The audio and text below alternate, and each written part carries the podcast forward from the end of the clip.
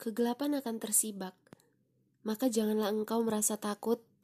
Fajar pasti menyingsing dengan pijar-pijar cahayanya yang menawan. Apa manfaat dari menampar pipi dan merobek-robek baju ketika kehilangan sesuatu yang kita cintai? Apa manfaat dari mengingat kembali peristiwa yang telah ditelan zaman dan hanya akan menambah kepiluan hati saja?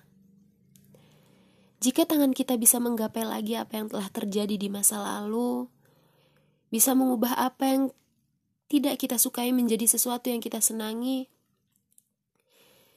niscaya kita semua akan kembali ke masa lalu dan berbondong-bondong mendatanginya.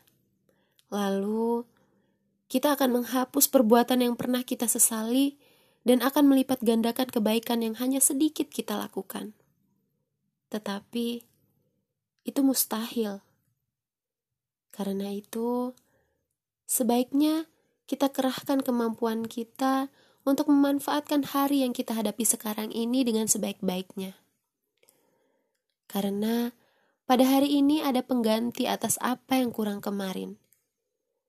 Inilah yang diperingatkan oleh Al-Quran setelah terjadi perang Uhud. Allah berfirman kepada orang-orang yang menangisi keluarganya yang mati, dan menyesali keikutsertaannya dalam perang.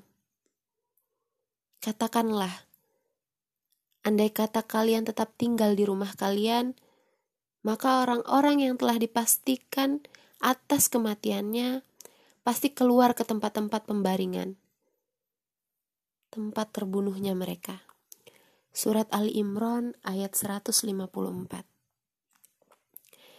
Percayalah, bahwa kebahagiaan adalah seperti mawar yang ditanam, tidak langsung berbunga,